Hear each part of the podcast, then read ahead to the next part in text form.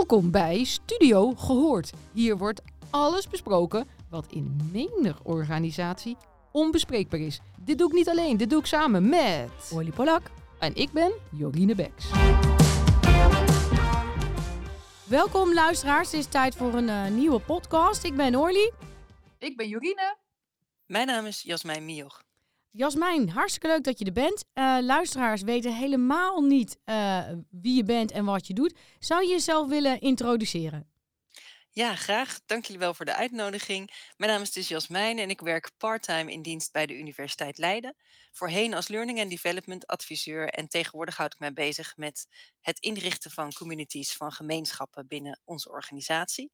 Daarnaast ben ik parttime ZZP'er en help ik organisaties en bedrijven met het interactief maken van hun online sessies. Dat doe ik met mijn bedrijf Creating Sessions. Wat leuk. Ja, heel leuk. Heel en, leuk, Uh, ja. uh, je had een hele leuke vraag aan ons. Uh, daarom hebben we je ook uitgenodigd. Zou je die voor de luisteraars uh, willen herhalen? Ja, ik zag dat jullie een podcast hadden, dus die ben ik gaan luisteren tijdens het opvouwen van de was. Een klusje waar ik normaal een hekel aan heb.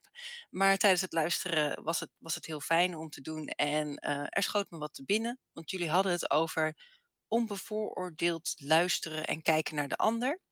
En wat bij mij meteen te binnen schoot is, hoe doe je dat? Ik merk bij mezelf en bij anderen dat er vaak aannames zijn.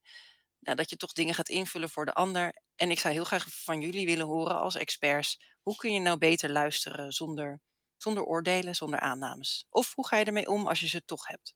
Oh, goeie. Jorine, kan jij me inkoppen? nou, inkoppen weet ik niet of ik hem ga inkoppen. Ik heb ook geen idee hoe jij er naar kijkt, uh, Orly. Dus dat was sowieso hartstikke leuk, die vraag, Jasmijn. Dus uh, je dank je wel, want door zo'n vraag worden wij ook weer aan het denken gezet. Dat heeft toch iets te maken met je learning en development. Dus je ontwikkelt ook ons leren. Um, het, in, het, het onbevooroordeeld een gesprek ingaan of uh, naar mensen kijken. Ja, ik ben ook in die zin een mens vanaf de andere kant. Ik heb ook wel eens wat oordelen en vooroordelen dan met name. Uh, zowel positieve als negatieve. En laatst had ik het ook, heb op een podcast ook wel verteld. En beide kwamen niet uit. Ook de positieve niet. Dus even qua managen van verwachtingen was het wel weer dan een teleurstelling. Waar je dan weer mee moet, uh, mee moet dealen. Maar hoe doe je dat nou? Nou, op het moment dat je met iemand een gesprek aangaat of moet samenwerken, dan is verbinding randvoorwaardelijk. Nou, die verbinding die maak je niet als je het gesprek ingaat met een vooroordeel. 99 van de 100 keer, denk ik zo ongeveer, is namelijk dat vooroordeel niet positief. Maar denk je van tevoren dat diegene ofwel je stom vindt, ofwel je idee idioot vindt, of, of, of, of, of. En daar ga je dan die hele gesprek op inrichten. En dan heeft diegene helemaal geen kans om ook maar positief nog uh, uh, te reageren, want die ander die voelt dus die negativiteit binnen jou. En dat, ja, dat beïnvloedt natuurlijk dan het gesprek. Wat ik mezelf heb aangeleerd, uh, eigenlijk door schade en schande en oefenen, is als ik een gesprek aanga met iemand en ik merk aan mezelf dat mijn hersenen, dat gaat er gewoon een vooroordeel hebben, om die direct weg te prikken en om te turnen naar iets positiefs. Dat geeft ook jezelf een boost, dan zit je ook al anders in dat gesprek. En dan kan er nog iets ontstaan. Ik weet niet of je dat ook herkent. Dat zijn de visuele vooroordelen. Je ziet iemand en je denkt, jemig hè, dan heb je mening. Ook dat helpt niet. Nou, wat ik mezelf daarvoor heb aangeleerd is positieve dingen bedenken bij die persoon. Dus bijvoorbeeld, als het, ik noem even wat, een, uh, een grote Norse meneer is, waarvan je denkt, gadverderrie zeg, die lijkt wel een tikkie narcistisch, lekker heel negatief, ja, dat doe ik dus ook. Dan denk ik vervolgens, ja, misschien is het wel echt wel een leuke opa of een leuke oom. En stel je nou eens voor dat hij kerstman is. En, uh, want Sinterklaas past hem dan niet, want hij te groot en te dik is. Nou, kerstman zou wel leuk staan. En dan gaat er iets anders gebeuren. En dan bedoel ik dus niet sarcastisch, dus niet dat ik hem uitlach in mijn hoofd. Maar dan krijg ik een soort, ik noem het barmhartigheid. Dus dan ga ik de mens zien, gewoon achter wat alles wat ik zie. En dan kan ik verbinding maken. En, uh, en het levert mij uh, heel veel energie op. Want wat ik heb gemerkt, en ik weet niet of jij dat ook herkent, Jasmijn en Orlia ligt ook, dat al die aannames, al die vooroordelen, dat is heel veel negativiteit over het algemeen en dat kost energie. Dus dan ben je al zoveel energie kwijt voordat je überhaupt weer in de, ja, op, op nul uitkomt, zit je al zo in de min, dan moet je keihard voor werken. Dus uiteindelijk is het veel makkelijker om uit te gaan van het positieve van die ander, de positieve intentie van die ander en het laten gebeuren. Dus dat is een beetje zo mijn visie. Ik ben heel erg benieuwd wat jij nog, uh, uh, hoe jij daarnaar kijkt, Orly uiteraard. En ehm, allicht als me dan nog iets, iets te binnen schiet. Want ik ben ook wel een beetje een hardopdenker. Maar Orly, Ja. ik ben benieuwd. Oh, trouwens, voordat ik naar Orly ga. Jasmijn, heb je hier wat aan? Nou, Jorine, dankjewel, want ik wil hier heel graag iets op zeggen, omdat vooral dat beeld van die Noorse man als kerstman me zo aanspreekt. En ik denk dat je dat heel goed kunt gebruiken, en ik zelf ook. Ik ken de variant wel als je ergens bang voor bent. Bijvoorbeeld als kinderen bang zijn s'nachts, dan eh, voor een krokodil, dan is het advies, laat ze de- krokodil voorstellen in een ballettutu, bijvoorbeeld. Ja. Dat is vergelijkbaar, dus ik vind het een hele goede tip. Ik kan hem meteen toepassen. Dank je. Orly. Nou ja, je- hebt vooroordelen en je hebt oordelen. Ik denk dat eh, vooroordelen, ehm, daar kun je jezelf bewust van maken. Hè? Zodat als je iemand ziet, dat je niet meteen denkt, oh, ik eh, plaats jou in deze en deze categorie. Ik vind jou dom, slim eh, of wat dan ook. Ehm, maar we oordelen wel de hele tijd. Dus naast dat we iemand inschalen in wat voor een sociale klasse ben je en wat voor type mens ben je, kijken we altijd als eerste ben jij betrouwbaar of ben jij niet betrouwbaar. Dat doen alle mensen. En dat eh, is onze ja, biologische programmering. Dat wil niet altijd zeggen dat die unbiased is. Dus je hebt eh, redelijk wat eh, theorieën die daarover gaan. Volgens mij is de theorie van Daniel Kahneman de, de meest bekende. Is ga niet altijd af op je intuïtie. Maar intuïtie moet je ook niet altijd negeren. Want dat heeft ons ook wel geholpen om niet in gevaarlijke situaties terecht te komen. Maar daarnaast ben je continu aan het oordelen. We zijn continu mensen op alle manieren aan het observeren. We gebruiken onze oren om te luisteren naar wat zeg je, maar nog veel meer onze ogen. En wat onze ogen altijd naar kijken is, ben jij betrouwbaar? Klopt het wat jij zegt? Is het authentiek? Wat is jouw agenda? Wat is jouw echte bedoeling? En wat wil jij bereiken? En dat, en dat doen we de hele tijd. En dat doe, doe ik ook als ik groepen begeleid. Eh daar moet je natuurlijk wel bewust van zijn. Je moet natuurlijk niet zeggen van eh, in je hoofd, oh, ik weet al eh, wat de uitkomst is van een gesprek, omdat je signalen oppikt. maar ik noteer ze in mijn hoofd wel. En een van de adviezen die eh, bijvoorbeeld eh, Daniel Kahneman geeft is, omarm je intuïtie, maar wees je bewust van je intuïtie. Dus probeer na afloop na te gaan bij jezelf, was ik biased? Of heb ik daadwerkelijk dingen geobserveerd die in het gesprek naar voren zijn gekomen waar ik wat mee kan? En eh, ik ben nu toevallig ook een heel gaaf boek aan het lezen. Ik had het er met uh, Jorine vanochtend over, van Danielle Brown. Het gaat over patronen. En hoe mensen uh, en organisaties en teams bewegen in patronen. En dat is eigenlijk wat, wat er ook door Daniel Kahneman wordt bedoeld. Hij noemt het alleen niet patronen. Wij zijn zulke intelligente wezens dat wij observeren en zien zoveel. En daarna vind, daar gaan we iets uit concluderen. En dan concluderen we uit, hé, hey, je hebt iets gezegd wat ik nuttig vind. Maar ik heb misschien ook eigenlijk een alternatief motief gezien.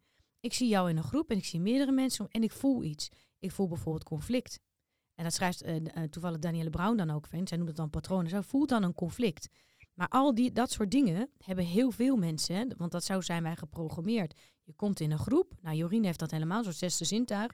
Je komt in een groep. We praten over appeltjes en peren.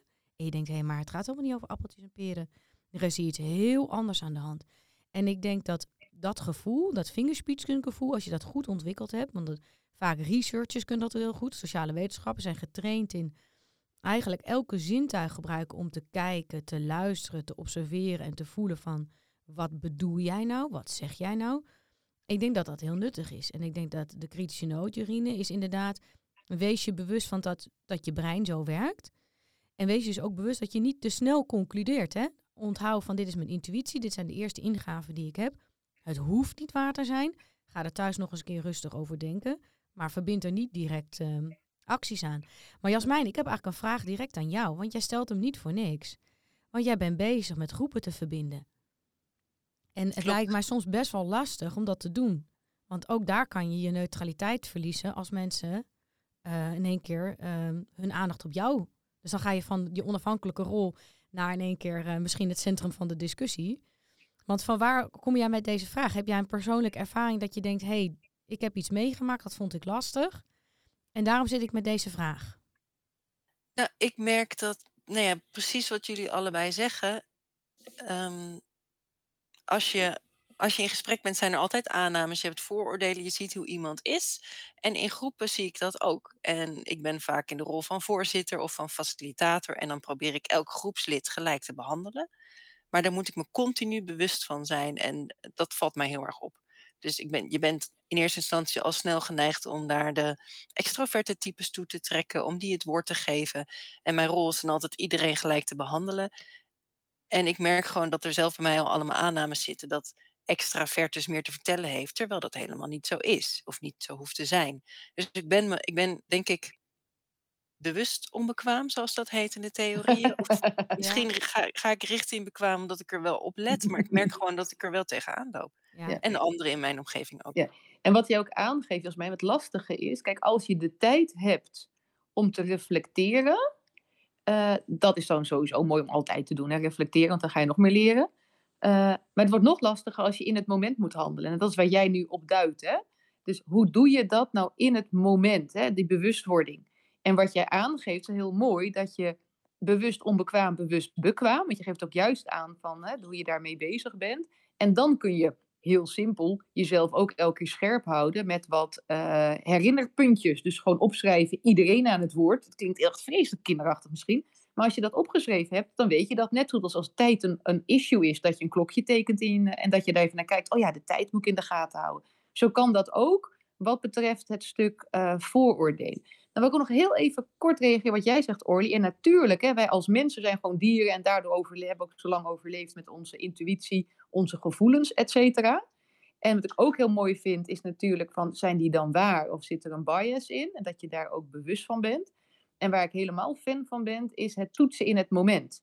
Je kunt natuurlijk niet toetsen wat jij nou zegt. Meen je dat? Want mijn gevoel zegt, hè, die gaat mis. Maar je kunt wel op een andere manier jezelf in het moment daartoe zetten om toch ook die intuïtie eventjes te checken.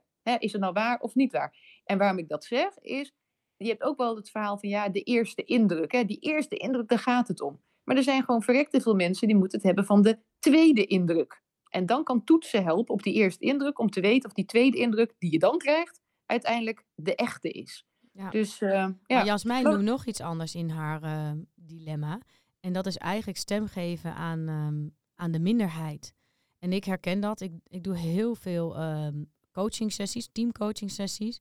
Uh, waarin het vraagstuk is: help ons onze cultuur te verbeteren en veiliger te werken. Eigenlijk is het altijd een samenwerkingsvraagstuk. Als je het helemaal plat slaat. En uh, hoe kunnen wij optimaal kennis delen en informatie delen? En wie is van wat? Daar gaat eigenlijk altijd de discussie over. En je hebt altijd mensen die zijn heel bescheiden. En uh, die vinden het ook heel moeilijk om in een groep uh, te spreken, ook al geef je ze de beurt. Um, wat ik doe als ik sessies doe, is ik doe soms de dialoog. Maar ik gebruik heel vaak design thinking of co-creatie. Dus waarin jij jou mag uiten zonder dat jij en publiek jou hoeft te uiten. En dan mag je het op een papiertje schrijven. En um, dan komen dat soort mensen heel erg tot hun recht. Dan zie je in één keer, hé, hey, die heb ik helemaal niet gehoord. Kees zat echt in mijn groep. Ik heb Kees nog geen seconde gehoord. En dan ga ik een, uh, een co-creatiebord open. En dan zie ik in één keer alleen maar geeltjes van Kees. En dan, uh, ja, en dan geef je hem de beurt. En dan durft hij wel, want dan vindt hij ook meteen gehoor. Hè? Want dan gaan heel veel mensen gaan zijn posters liken. denk ik, ja, daar ben ik het mee eens. Dat vond ik ook een goed idee. Dus uh, ik speel wel heel erg met werkvormen. Um, omdat um, het is ook als jij als trainer daar heel veel oog voor hebt, is het voor de ander om te participeren, zeker als de groep te groot wordt, want dat heeft ook met groepsgrootte te maken, is dat gewoon eng. Ja. Wat, wat, wat doe jij, Jasmijn? Want jij je bent je er bewust van. Welke, wat, wat pas jij toe als werkvorm of werkvormen? Nou, ik vind dat heel leuk dat jullie dat vragen. En ook mooi dat Orly dat voorbeeld deelt. Want ik werk vooral online. Ik begeleid veel online teamsessies en groepsbijeenkomsten. En ik merk juist dat online mensen gelijkwaardiger worden. En dat die eerste indruk minder belangrijk is. En dat iedereen een even groot tegeltje is. Ik heb bijvoorbeeld de introductiedag voor nieuwe medewerkers georganiseerd met bijvoorbeeld 40 nieuwe medewerkers en de rector. Leuk. En de rector is een even groot vierkantje. Ja. Dus die gesprekken ja, worden gelijk. En mijn werkvorm is dan stel je vragen in de chat. En ik geef dan degene de beurt om die vraag direct te stellen aan de rector. De rector vraagt ook waar ga je werken of waar ben je aan het werk. Dus er komt meteen een dialoog. En iedereen is gelijk omdat je in de chat kan iedereen zich uiten. Dus schrijven, dus grappig dat Orly ook dat voorbeeld noemde. Schrijven is veel gelijkwaardiger en online zijn we meer gelijk. Dus ik ben, ja. ben groot fan van die werkvormen waarin ja, je dat snap schrijven. Ik. Dat snap ja. ik. En, en hoe zie jij rank? Want nu zeg je van je observeert gelijkheid en ongelijkheid. Dus in welke mate heeft rank te maken met uh, durf je jezelf zo te uiten of niet. Je bedoelt hi- hiërarchie. Ja, hiërarchie, ja. Ja. Hiërarchie is in eh, bepaalde organisaties en bedrijven natuurlijk heel belangrijk. Je hebt een, een CEO of een, een- in dit geval waar ik werk een rector en die staat best wel hoog in de rank, inderdaad. En ik merk dat er wel in organisaties en bedrijven een beweging is van een ander type leiderschap. Dus meer coachend leiderschap, meer dienend leiderschap. Waar weer de, waarbij de leidinggevende graag in ieder geval een gelijkwaardig gesprek willen voeren, een dialoog. Alleen die cultuur is dan nog niet doorgedrongen bij alle medewerkers. En ik zie dan altijd mijn rol als facilitator, als voorzitter daartussenin, om die gelijkwaardigheid klein te maken. Of groter te maken en de, de, de verschillen kleiner. Ja, ja. Dus, dus ik zeg ook altijd, we mogen je en jij zeggen, dat hebben we van tevoren afgesproken. Jullie mogen dat ook zeggen. Een grapje maken tussendoor, laten zien dat mensen menselijk zijn. Ja. Eh, dat, dat helpt heel erg. ja leuk. En Ja, als je gaat... oh. Ja, nee, Jorien, Jorien, ik wilde jou het woord weer geven. Oh, nou, kijk, nou is dit, Ja. dat, dat Ja. voelen we elkaar toch goed aan. Ja, Eh, want waar ik ook wel nieuwsgierig naar ben, is nu hebben we het over de rol van facilitator hè? of eh, van coach. eh, maar als je gaat kijken naar leiderschap, heb jij een idee qua ontwikkelbaar of, of qua training, opleiding voor management, voor managers? Hoe zie jij dat, Jasmijn? Zouden deze vaardigheden, die kennis en kunde om hiermee op te gaan, om te gaan en hoe je dat kunt doorbreken, ook onderdeel moeten zijn van eh leiderschapsontwikkeltrajecten? En doe je dan specifiek op dat gelijkwaardig zijn of op eh, zonder vooroordelen naar elkaar kijken? beide, hoop ik. Ja, ik, ja, ik denk eh, meer bre- in bredere zin nog. Weet je, hoe, want uiteindelijk, wat bereik je ermee? Hè? Als je dit doet, dan bereik je ook het gevoel van, ja, wat, wat het thuisgevoel, dat je er mag zijn zoals je bent. Dus als je weer nog weer verder trekt, als je gaat kijken naar diversiteit en inclusie, dan eh, stimuleer je dat ook. En hoe doe je dat nou? Zijn dit nou ook hoes waarvan je denkt, ja, die zou eigenlijk elke leider zelf moeten eh, beheersen of in kennis van hebben. Of nou, in ieder geval, eh ja, beheersen zou natuurlijk heel mooi, mooi zijn. Zeker als je gaat kijken naar coachend leiderschap, et cetera, of dienend leiderschap. Hoe zie jij dat? Het begint denk ik allemaal bij bewust worden. Dus weten dat inclusie belangrijk is, dat dat je organisatie, je bedrijf eh, gaat verbeteren. Want hoe meer divers we zijn, blijkt ook alle onderzoeken, hoe fijner mensen en welkom zich, zich voelen en hoe beter ze ook gaan werken. En ook aan dus de bedrijfs- en organisatiedoelen gaan bijdragen. Dus leidinggevende managers, CEO's zouden zich daar heel bewust van moeten zijn. Omdat het direct bijdraagt aan het welzijn van de medewerkers en aan de groei en eh, het floreren van een organisatie. Dus het begint bij bewustwording en daarna kun je stappen gaan zetten om dat ook te vergroten. De diversiteit, de inclusie, de vrijheid en de psychologische veiligheid, waar jij volgens mij een boek over hebt geschreven, Jorine. ja, dat klopt. Maar vind je, zouden alle leiders, ik, ik hou van een beetje groot dromen, hè, wat groter, daar ook niet die vaardigheid dan, als ze dat hebben, dat ze dan ook die bijdrage kunnen leveren aan inclusie? Of zeg je nee, daar heb je toch altijd wel een externe rol bij nodig? Wat mij betreft is de leidinggevende van de toekomst, of misschien al van het nu, zich Ja? zeker bewust ja, van deze vaardigheden. En juist van het coachen, van mensen zich veilig voelen. Van, men, ja, ik kom uit learning and development hoek, Eh, dus mensen laten ze groeien. En eh, als Dus ja. laatste vraag, is het te ontwikkelen? Want dat is Ik jouw vakgebied. Ja. Ik geloof in een growth mindset en niet een fixed mindset. Dus ik geloof dat we altijd kunnen groeien. De een zal er wat meer affiniteit mee hebben dan de ander. Maar je kunt dit zeker ontwikkelen, absoluut. Ja, door te beginnen met een eh goede boeken lezen. Volgens mij had je ook een leestip voor eh, de luisteraars. Kun je de, eh, het boek nog één keer noemen wat je zegt, nou die is echt leuk om, om even in te bladeren? Die achter jou staat. Dat kunnen ze niet zien, maar Ja. ze kunnen wel de titel horen. En Stel je voor, je werkt in een organisatie en je wil de boel een beetje opschudden op een andere manier. Je wil verandering, je wil groei, je ontwikkeling. Dan zou ik zeker het boek, het grote Vreubelboek voor adviseurs aanraden van de schrijfsters Marijne Vos en Ben Kuiken. Krijgt op een waanzinnig mooie manier, prachtig vormgegeven boek, krijg je allerlei inspiratie, tips, ideeën om gewoon maar in het wilde weg te experimenteren. Want wij leren met z'n allen door te experimenteren. Nou, Ontzettend leuk. En dat lukt dan ook om hem even rond te maken. Want we begonnen natuurlijk over vooroordelen, onbevooroordeeld, et cetera. En dit klinkt ook als je met elkaar aan de slag gaat, dan ga je aldoende elkaar ervaren. Dus wie weet vervagen dan gewoon als wolken voor de zon, is toch een uitdrukking, eh, de vooroordelen. Dat is helemaal mooi wezen. Nou, Zeker. dankjewel voor deze mooie vraag en eh, eh, leuke bijdrage. En eh, wellicht tot horens in eh, Studio Gehoord. Dankjewel. Dag Jasmijn.